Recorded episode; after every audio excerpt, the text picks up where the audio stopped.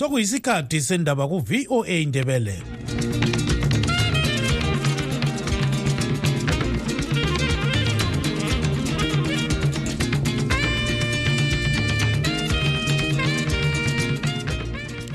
lami ngithathe leli thuba ngibonge utshanono kawande obesipha indaba ngolimi lwesishona.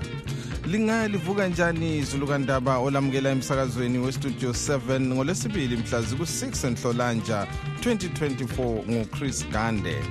Endabeni zethu lamhlanje oyililunga le-mdct umnumzana dube munkombwe usesuke kuleli bandla waya kwelezanu pf lapho emukelwe iziphathamandla zebandla leli. Akulanto engiyachivileyo ku-opposition politics? Ngcono ngihambe phansi ngombuso kapha kumnankagwa ngiyosebenza nabantu bakithi abantu bebhinga abantu besitongeni abantu bezimbabwe. Inhlanganiso elwela ilungelo lezizalwane zezimbabwe ezihlala kwele south africa ithi iphakathi kohlelo lokulungisela abezimbabwe abahlala khonale amaphepha okuhlala kulelo lizwe ngokusemthethweni. Kulabantu abasebenza emakhitshini kumbe emayadini abasuka emazweni esadala abantu laba vele angeke ubaxotshe ngoba ama-south africans bona izalwane ze-south africa abahola ama-50 000 rands a month. Kabanelisi ukuthi baholise isisebenzi sabo i-minimum wage. Lanxa ukuvulwa kwendawo yokugada izimota egodini kwemukelwe ngabanye kulemibuzo ethi kanti vele imall yona izakhiwa na? Zonke lezi ndaba lezinye lizozizwa khonapha emsakazweni westudio 7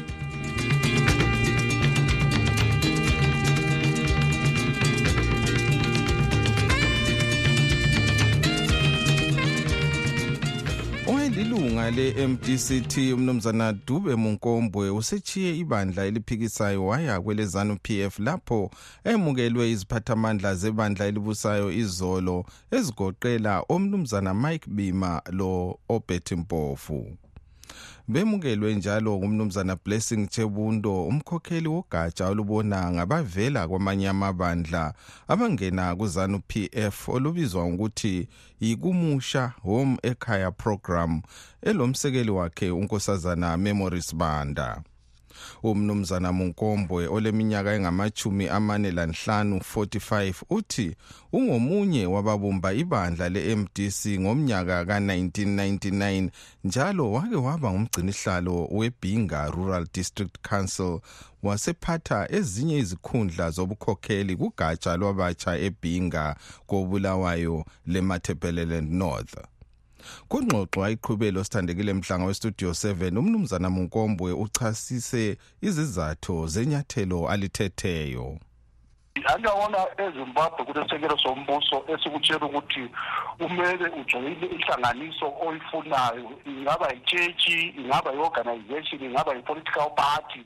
So lapha sengi-excite ilungelo lami esele ku-constitution yezimbabwe. Kodwa siyabona ukuthi ubukubandla eliphikisayo ele-mdc lamanye nje ama-factions iziqa zawo kuyini osokutshintshile njengoba belichothoza ibandla lezanu p f wake wabona umntana angadivosa umfazi wakhe ngesizathu kodwa ngelinye ilanga uzathiwa sekuyelele kumfazi wakhe ukuthi hawu uzibani lona zibani sebaphendukelana njalo. Kuliqiniso ukuthi benkotoza izanu p f yendi there but abantwana benja kababona ilangeli lodwa so nami njengomuntu wezimbabwe sengikubonile ngaphansi kombuso kababa umnankakho ukuthi hhayi nami kulokunye engikubukayo. Okungaso necessary ukuthi ngikukhulume ku-media but njengomuntu ezimbabweni I'm happy with their leadership yendi there kodwa ungasinika-ke izizathu ezokuthi kuyini okubona kukuhle kubandla lezanu p f? Umbuzo wakho unzima ngani? Umbuzo kabala ukuthi ngithi wena indaba wathatha uzibani? Umfazi othize. Ngoba ngokuthi kule-m d c i still have friends. Ukutshiya ibandla amboni kungaba ukuthi kuba necessary ukuthi ngikhulume kakhulu ukuthi wenze so so mina what i'm saying ukuthi sekunesikhathi eside ku-opposition from student politics i'm now more than 20 something years in opposition and in my age i'm now 45 years. So akulanto engiyachivileyo ku-opposition politics. Iyaphikisa nje phambi kwenkothi so ngibona ukuthi hhayi neminyaka yami leyesisele fifteen twenty years ngokuthanda kukankulunkulu kulokunye engikufisa ukuthi ngikwenze ngiku-government ngcono ngihambe phansi kombuso kababa umnankagwa ngiyosebenza nabantu bakithi. Abantu bebhinga abantu besitongeni abantu bezimbabwe. Ama-opposition ezimbabwe lawo uyavumelana nabo lami ukuthi sekunzima ukuthi ulandele i-opposition. Abantu they are no longer following i-opposition sebelandela abantu. Manje thina abanye asikwanisa ukulandela abantu silandela i-politics. Siyabona ukuthi abanye bayalisola ibandla lezanu p f bathi liyehluleka ukuthuthukisa umnotho welizwe liyephula ilungelo loluntu. Uthini ngalokho? It's true. Ukuthi abantu batsho njalo but ungakhangela ubaba ungangaguthi uthini wena uthi ilizwe lakhiwa ngabanikazi balo yikho enobakhona bani bayo so asincedisaneneni ubaba umnankagwa lapha khona simncediselane lapho esisifaka ku-opposition sifake khonokho amandla ethu esilawo from opposition sisebenzelayo ubaba umnankagwa phansi kwakhe sibone ukuthi ngoba ukuphikisa uphandle kwegedi ngesinye isikhathi awuzuzi lokho kumele kuzuze sikubonile njalo emifanekisweni uxoxa lesiphathamandla sebandla lezanu p f umnumzana obet mpofu. Kuyini elikwenzileyo? Njalo ulesikhundla yini? Uzakwenzani? Usuka lapha. Namuhla ibindaba kodwa ise-welcome kuzanu njengoba obet mpofu unguye usecretary general wezanu. Ukuthi ngilesikhundla kuzanu athi kumele ile-constitution ekhuluma ukuthi umuntu kumele abe le-five years eyimember. Nami i'll be patient up to the right time.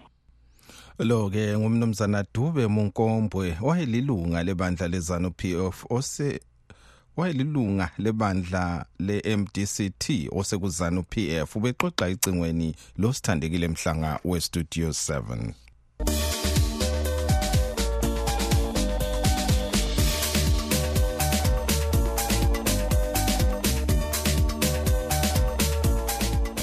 inhlanganiso elwela ilungelo lezizalwane zezimbabwe ezihlala kwele south africa eyezimbabwean community in south africa ithi iphakathi kohlelo lokulungiselela abezimbabwe abahlala kwele south africa amaphepha okuhlala kulelo lizwe ngokusemthethweni.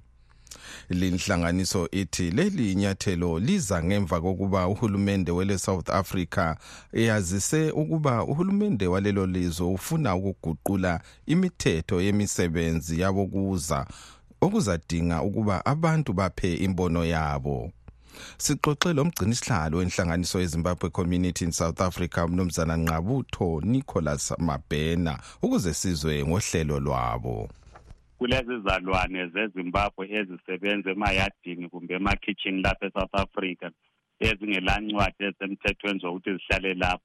Izalwane lezi ziqhatshwa kakhulu yilabo esibabiza sithi middle class abantu abamnyama abe-south africa lamakhiwa bese behlala ezindlini zabo kumbe emsebenzini bengayi abalazo ezinye indawo zokuhlala bese beholiswa futhi imali encane engayisiyo eyavunyelwanwayo ukuthi uholiswe izisebenzi ngoba imali eholiswe izisebenzi khathesi twenty seven rand an hour. Yikho-ke thina sithi nxa umqhatshi lesisebenzi bevumelene ukuthi uzahlala emsebenzini akasoze abe le mali yokugada esemsebenzini um kasoze abe abe le mali ye-rent nxa emholisa imali engaphansi kwalokho okwavunyelwana ngakho yiphalamende e-south africa. Um sicabanga ukuthi into enhle okumele yenziwe ukuthi lowo muntu osebenzayo kumele-ke aphiwe amaphepha asemthethweni ngoba abanye bayehluleka ukuthi bavakatshele izihlobo ngoba besesatshiswa ukuthi bazabotshwa badeport so yikho lokho esikuphakamisayo thina ukuthi silezisebenzi kakhulu ezingomama ezisebenza emakhitshini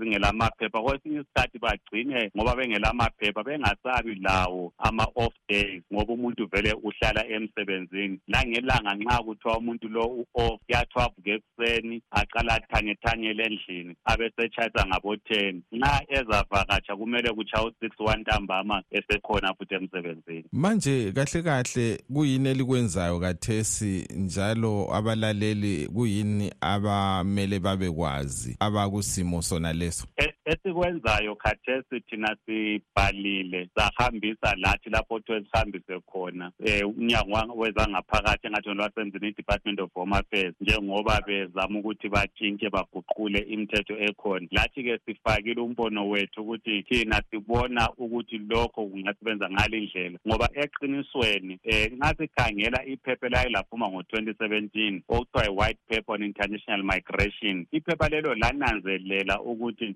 kulabantu abasebenza ema-kitchen kumbe emayadini abasuka emazweni esadala abantu laba vele angeke ubaxotshe ngoba um ama-south africans wona izalwane ze-south africa kumbe ngabantu abamnyama kumbe ngamakhiwa abahola ama-fifty thousand rands a month. Kabanelisi ukuthi baholise isisebenzi sabo i-minimum wage. Ngendaba zokuthi bayabhadala izikwelede zezindlu bayabhadala izikwelede zemota balabantwana ababafundisayo bayathenga ukudla endlini kanti lokunye futhi um abalakho okudinga imali. Bese besala le mali isikhathi esiningi eba ngama-three thousand two thousand five hundred three thousand rand bese bethi yona yiyo imali abayiholela umuntu obasebenzelayo. Kanti khona kumele ukuthi nga umuntu lo khathesi uhola imali engaphezu kuka-five thousand rand yikho sisithi thina ukukhompaseta ukungabaniki imali ephelele okwavunyelwana ngayo ngohulumende njengoba sinanzelela ukuthi sekukhitshwe imali yerenti yesisebenzi ngoba sihlala emsebenzini. Sokukhitshwe imali yokugada ngoba vele umsebenzi uhlala emsebenzini. Kodwa-ke akalungiselwe amaphepha okuthi ahlale emthethweni kuleli.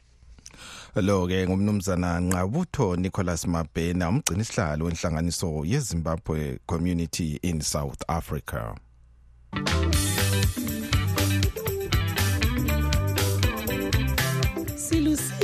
Ukulazisa ukubana sesiza kuma uhlelo lwethu lwendaba zekuseni kusukisela ngenyanga ezayo ekanhlolanja olokugcina uhlelo lusakazwa mhla ka-9 hlolanja kodwa lingalahli ithemba ngoba konke elikade likulalela ekuseni likukhwabitha kuzabe lokhu ekumunyethwe kuhlelo lwezindaba zantambama ngo-half past 7 nsuku zonke. Sikhumbuzane sihlobo ukubana lanxa ungakhuthwa luhlelo lwezindaba luka-half past 7 ntambama ulakho ukululalela lapho soluphindwa ngo-half past 9 ntambama lango-half past 11 ebusuku. Siyalibonga ngokuqhubeka lisekela inhlelo zethu ze-studio 7 eye-voice of america.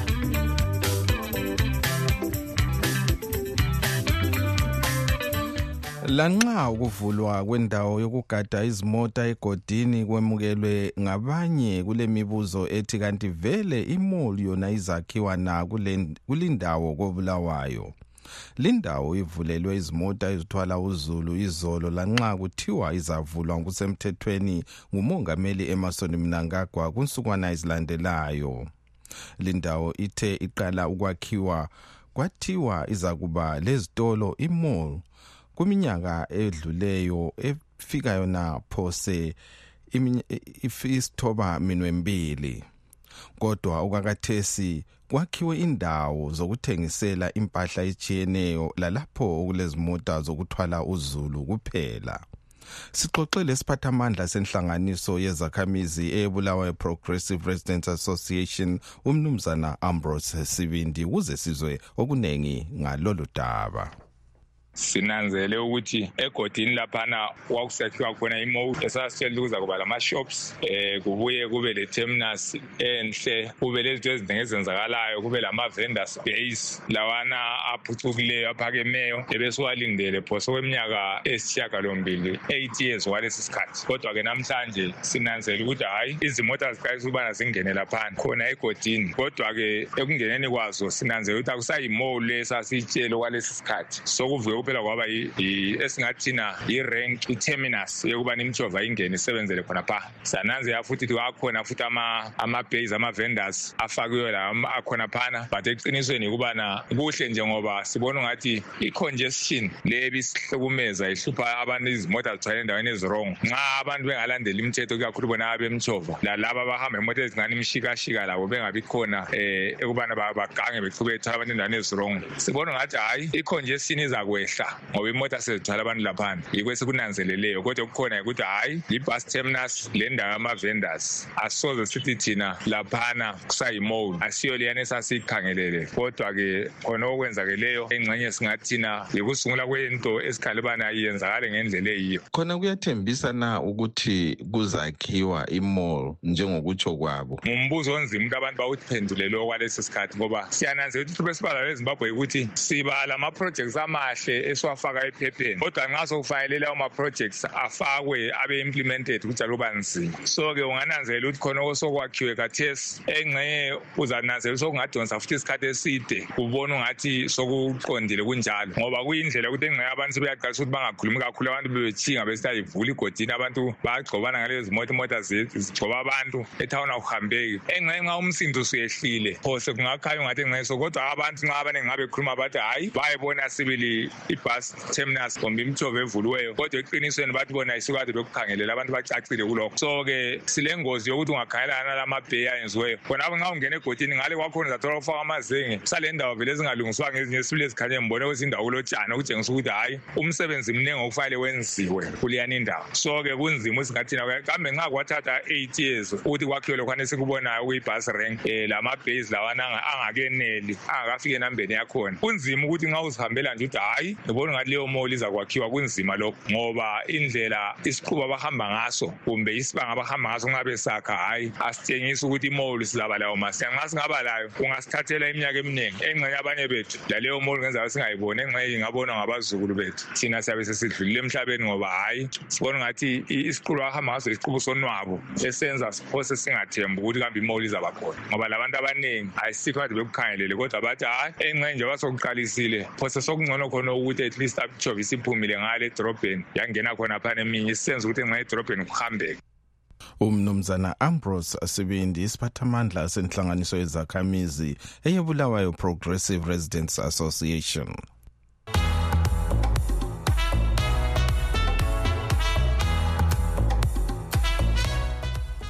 Okwamanje sengidedela emuva ngelichiya ezandleni zenu lina balaleli bethu kumbono yenu elisithumele nge-whatsapp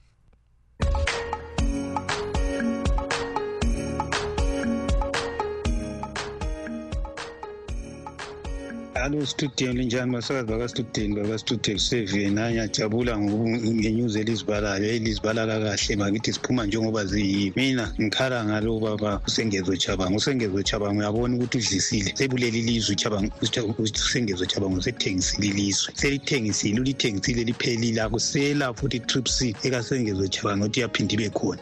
Seyithengisile sephelele la. Uzombona sekuzano sekhulumela izano kumbe sekhulumela yiphi? Kodwa silithengisile ilizwe usengezo chabango. Yokuthi nje angazi ukuthi nje utalubani uyavakatsha nje usengezo chabango noma ehambe emathebelendi ebona abantu egijime bemgijimise lo asomuntu lo asomuntu. Hayi kuqala mbingelele umama umampala uviolet mpala ozalwa embembezi ozalwa kompala umuntu akamsuseni mbingelele labafowethu abase-south africa mbingelele labawethu abasejohannesburg. Ngingucornelius ndlovu. Ndlala ivillage 26 nendlovu ivillage 26 ema-resettlement studio 7 studio 7 studio 7 ngibingelele ku-studio 7 yabona uchabango lo lo khaliphani phugeni wakhe lo? Hhayi le nto ekade beyifuna hhayi isiphumelele impela izanu-ke silempande ezidlula lezi ebilazo ngoba ushamisa wayevele wayeshekisile izanu. Izanu vele wayeseyifuna ukuyiquma mpela nyanya ayiqede uchamisa. Nampo khaliphani phugeni beyivusa labo sengezo chabango bevusa izanu vele ibisizifele nje izanu hayi sengezo lochabango hayi liyayimotsha izimbabwe. Lihluphekisa abantwana basezimbabwe sengezo hayi liyayimotsha izimbabwe shem. And lokwade likufuna selikutholile ke izanu ke silamandla amakhulu. Hayi sahlupheka-ke ezimbabwe bakithi. Hayi sezohlupheka zizana zezimbabwe hayi iyajabula izanu. Ayijabule mpela izanu ngoba iyasho isiwinile kambe izincintisela ihamba yodwa. Kambe izithayela ihlombe izanu. Ayi kuzophelelaphi lokho kwezanu? Kodwa kuko kungapheliyo kuzophela yonke le imihlolo yonke le esiyibonayo ezimbabwe. Ihlaliboneni basakazi bakastudio seven ngalinjani lonke? Hhayi mina ngiyaphila. Ngiyacela basakazi baka-studio seven ke libale i-audio yami likuyefika kuchabangu bo. Hhayi uchabangu sekusobala ukubana um liklayenti le-zanup f isiporori se-zanup f.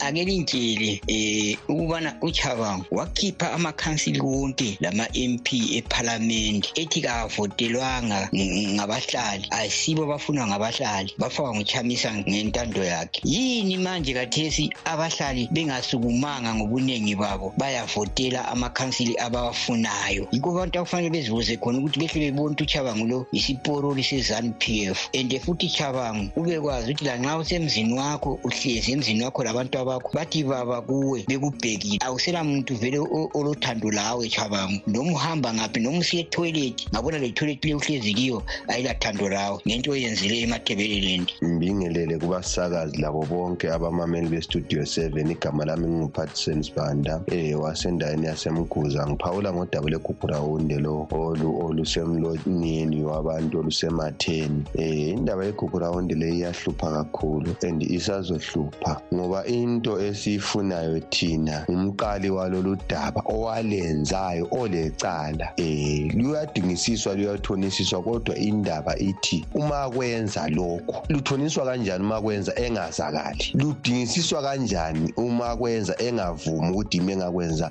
kumele kutholakale uma kwenza lokhu. Sibe sesibona ukuthi siluphetha kanjani uyaboshwa uyenziwani uma kwenza lokho ngoba sahlukunyezwa kakhulu endabeni yasegugulawuni sahlukunyezwa enye indlela esimanga lapha into ekhona uyazama ukuhlanganisa le emadebeleni lemashonaleni ezama ukuthi ehlanzi angeke uhlangani lokho ngamazwe amabili lawo waye bengasiniki imadebeleland yethu umthwakazi. Sizame ukuthi siziphathe lathi sibone ukuthi siqhubeka kanjani ngempilo ngoba uzama ukuhlanganisa into ezimbili ezingeke zapha zahlangana. Studio 7 studio 7 linjani? Bantu bakithi ye okhulumayo nguye trikinyathi wezimbabwe's protest for change. Hawu bakithi kwaze kwaba buhlungu bakithi kodwa chabangu ya mfowethu lapho khona ucupha isitshwalo uyasutha usihlukumeze kangako wafaka izano emathubeni okuthi ithole i-two third majority. Hhayi kulungile kulungile. Kodwa mina ngithi singamazimbabwens mazimbabwens lana like liphakameni lilwela inkululeko yenu. Asikeni singeneni emgwaqweni badala? Akusekho okunye la. Angcono besibulale laba bantu kahle kahle. Vele sekumele lapha siphakameni singeneni emgwaqweni. Silwele inkululeko yethu singamazimbabwens akusekho okunye sisakulindile la. Izanu-p f sisihlukumeze kakhulu. Sinje nje siyahlanganisa izimali zokuthi sibuye ekhaya sizohlangana. Badala sima sifike ekhaya lisijoyine bakithi silweleni inkululeko yethu. Amaphoyisa ma esibulala bazosibulala kodwa bazobe sibulale ukuthi silwele inkululeko yethu. Ilizwe madoda sebelenze labo. Ilizwe ngelethu asolabo labo mnangakho ngiyabonga mina. Salibonani salibonani studio seven siyabonga izindaba ezithunika zona. Siyabonga kakhulu. Lo okhulumayo ngunhlanhla um ngiphuma embembeshwana esigabeni sakomakona okokuqala ngizobingelela ubaba wami um uchuma usazenze ngithi umdala wami ube right la okhona. Ngakuthanda kakhulu ngidlala 나를 또 이용구름 뿌렸으니 왜, 예, 이죠. 그동안 미키 바람에서, 음, 그래도 유차민사 쓰기, 반디, 유차민사, 코르니는 차바고, 차바고, 파나는 이제 내 페파, 내 페파, 안디아스 루키 페파, 공아시고 뭐야, 리아, 루, 리아, 임포마랑, 리아, 리용, 아치고, 전화랑, 리아, 나빠, 소로, 같은 착한, 착한 게 페파, 그냥 피사 반투가 유튜브 나와반투, bonke nje bayalandela, uchaminsa sikwazi ukukhipha i-ZANPF ngoba uchaminsa uyabonisa ukuthi into oyifunayo uyayazi just nje ukuthi udijitejwa ngena lo uchabango ngiyabonga siyabingelela siyabonga studio seven. Um ukhaliphani phugeni labo le gama lisabafanelanga kuthiwa khaliphani. Ukhaliphe kanjani? Mfokaphugeni ungasazizwa lokuthi ukhulumani ngani ulamalimi? Isimo sisibi kangaka elizweni lakho wena uyasikhulumela kalula uhlanganisa uqathanisa lebholo uqathanisa heyi madoda kithi. Usengezochabangweni lo elimkhulumelayo ungcolile. Uthengisa amazimbabweni wathengisela izanu ngoba ufuna ukuphiwa imali. Lani lidla imali yegazi lilandela usengeza uchabango lisehluleka ukuzidingela imali njengabantu bonke. Khathi sithethe izanu p f layifaka echabalala kithi kithi echabalala sikaze sina sibuswe izanu kuthiwa yikhansela. Siyaqala ngento yeni linakhaliphani mhlole lisenzela lo sengeza uchabango mali ufuna ukubona ukuthi abantu bezimbabwe bacabangani ngani kumbe bakwate kanjani? Ake liphume likhampeni nje iphatheni isiselingeyenu-ke ake likhampeni elitriple c yena lihambe kubantu. Khona zabona abantu bazolidla bazolidla lamakhaya lazi ukuthi libone ukuthi abantu balinyanye kanjani nabantu bakakhalipani phugeni lo sengeza uchabanga ngiyakubingelela msakazi ngibingelela abalaleli emakhaya. Eh hayi ngi fona ngifaka i-complain msakazi. Eh anginandaba ke njenge-public figure ngiyakwazi ukuthi kuza le territory. Vele abantu bazoba lembono ngami bangicriticize bathini bathini. Okunye kuyabe kungamanga ngiyavuma. Eh okungenza namhla ngifone eh noma behlala bekhuluma amanga amaningi ukuthi ngigcine sengithethiswa. Ngithethiswa nje ngoba kuthiwa ngithethiswa ngoba mina ngithe ubuso bukachamisa abuhlale ngoba i-property yephathi angikaze ngakhuluma ubuso bukachamisa mina.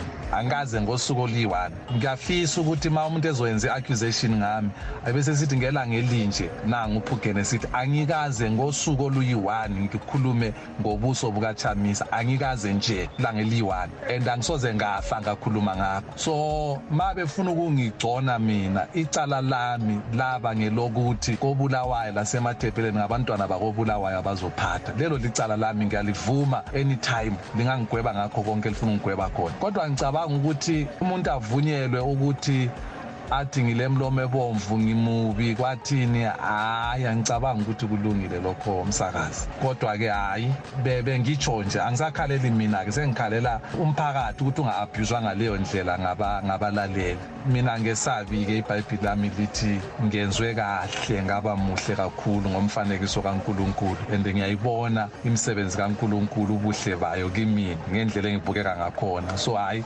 eh kodwa ngendlela esidegenerate ngayo njengaba abantu singavumi njengomsakazi ukuthi inkulumo iyehle ifike kulelo zinga. Siyambongela ke lo dade omuhle kakhulu uNkulunkulu ambusise ngobuhle bakhe. Awaphile iminyaka ibe eminingi ngobuhle bakhe. Nababi ke hayi siyabubonga lobo bubi kuNkulunkulu. Kodwa mangizivuka mina esibukweni angijabula ngemisebenzi emihle kababa sezulwini ngiyabonga msakazi lawo-ke bekungamazwi enu lina balaleli bethu lisithumele nge-whatsapp kunombolo ezithi plus 1 202 465 0318 kwezemidlalo iqembu le-south africa elebafana bafana lizanqikilana le-nigeria kumdlalo wama-semi-finals e-africa Africa cup of nations kusasa. Komunye njalo umdlalo wama-semi-finals okhangelelwe ngabaningi i-ivory coast izadlala le-drc abalandeli benguqu bathi imidlalo le iza kuba nzima njengoba sekusele intshantshu zodwa. Udabo kancube owestudio 7 uxoxa lo mnumzana brian moyo owake waba isiphathamandla sezifa. Umdlalo onzima kakhulu lo e-south africa le-nigeria ngathi nje phasha phasha uyananzelela ukuthi wonke wona lawo amaqembu omabili acabangani ayathikaza kumbe ayaxexaxexa but uh, in this it is also true ukuthi um ezinkulu zaphenda ziqala nje zingani ziyaphusha ukuthithelela um zize ziyefika kulesi sibanga sezitshifa sezindlu benze kakhulu abafana be-south africa um ngibona ngani ngumdlalo ozabe nzima kakhulu olamathuba amalutshwana akumangalisi ukuthi ziye kwe-extra time kumbe zibuyele ziye kwi-shootout kodwa-ke um inigeria um ilabadali ababukhali phambili. Kuya ngokuthi ngubani ozathatha asebenzisa amathuba. Khangela-ke i-ivory coast le-drc kungahamba njani laphana?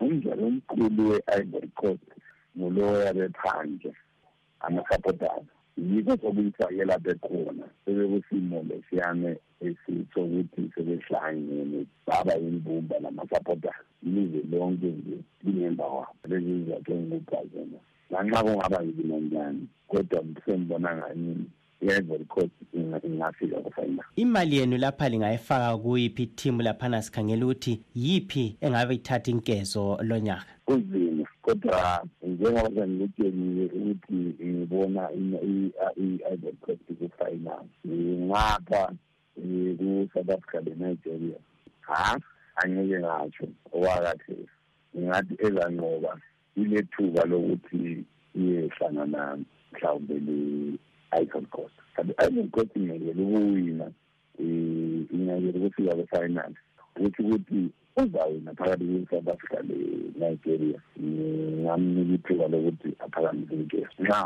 amahop engafika mu-final nxa efike ku-final hhayi ngenkalakatha yomsindo sibili um ezaqhudelana kube njini ngibona kuzaba i-final ezaxabululwa ngingathi mina ngamaphutha ama-mistakes by whoever makes it.